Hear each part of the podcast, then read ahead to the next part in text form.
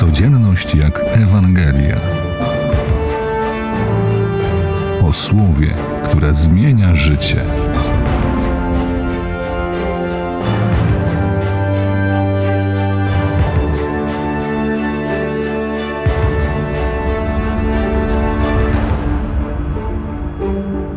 Amerykański psycholog Philip Zimbardo na podstawie przeprowadzonego w latach 70. ubiegłego stulecia słynnego eksperymentu więziennego wprowadził termin efekt Lucyfera. Określa on przemianę charakteru człowieka z dobrego na złe jedynie z powodu wpływu środowiska, otoczenia, w jakim się znajduje czy znajdzie. Wedle tej teorii każdy człowiek w skrajnych warunkach może przeobrazić się w oprawcę. Anioł może przemienić się w diabła. Przemienienie Chrystusa, które dokonało się na górze Tabor, jest zaproszeniem do odbycia drogi w przeciwnym kierunku. Gdy Jezus się modlił, wygląd jego twarzy się odmienił, a jego odzienie stało się lśniąco białe.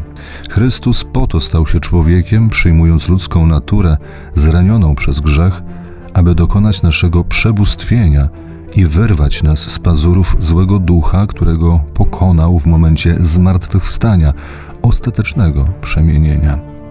Twarz człowieka ujawnia serce, odkrywa wnętrze danej osoby, a jego oczy są zwierciadłem duszy. Niech nasze oblicza zajaśnieją nowym blaskiem wskutek nawrócenia, przemiany serca i pojednania z Bogiem, a w oczach niech zaświecą się iskierki nadziei na życie wieczne bo Bóg nie stworzył nas złymi, tylko zło jest bardziej krzykliwe niż dobro. Ponadto przemienienie Chrystusa jest zapowiedzią nowego, innego, wspanialszego świata i zaproszeniem, by zapragnąć tego właśnie świata dla nas samych. Nasza bowiem ojczyzna jest w niebie, jak napisze święty Paweł w liście do Filipian. Czy można ten cel osiągnąć bez wielkopostnych wyrzeczeń, współpracy z łaską i wierności aż do końca?